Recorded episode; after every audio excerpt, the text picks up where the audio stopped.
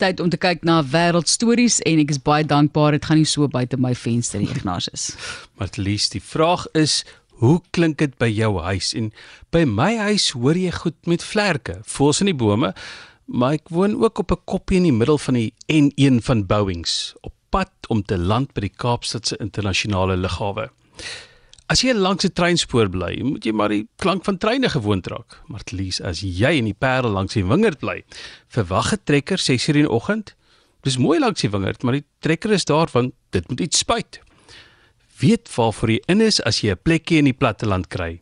Dit geld ook in Switserland. Die melk vir die sjokolade wat hulle aan die groot klok hang, kom van koeie af. En in Switserland dra daardie tradisionele koeie klokke. So as jy dink dat jy die stad vir die stilte van die platteland verruil, is haar stilte figuurlik. Dis die gejaag wat minder is. Die koeie se klingel is deel van die platteland pakket. Aarwangen is so 'n dorpie met 'n kasteel en al. Basiese uursery van verskeie grootstede. So trek stadsjapies in om rustig te bly en werk toe te ry. Twee van die families is toe beier rug oor die koeie se klokkespel en kla toe amptelik by die dorpsraad.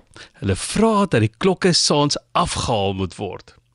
Vir boere en ander inwoners raak hy persoonlik as jy aan iets so, so iets so Switsers soos die klokke raak.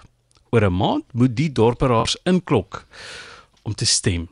Intussen het die een gesin hulle klagte teruggetrek en die ander gesin het stiller weivelde gaan soek.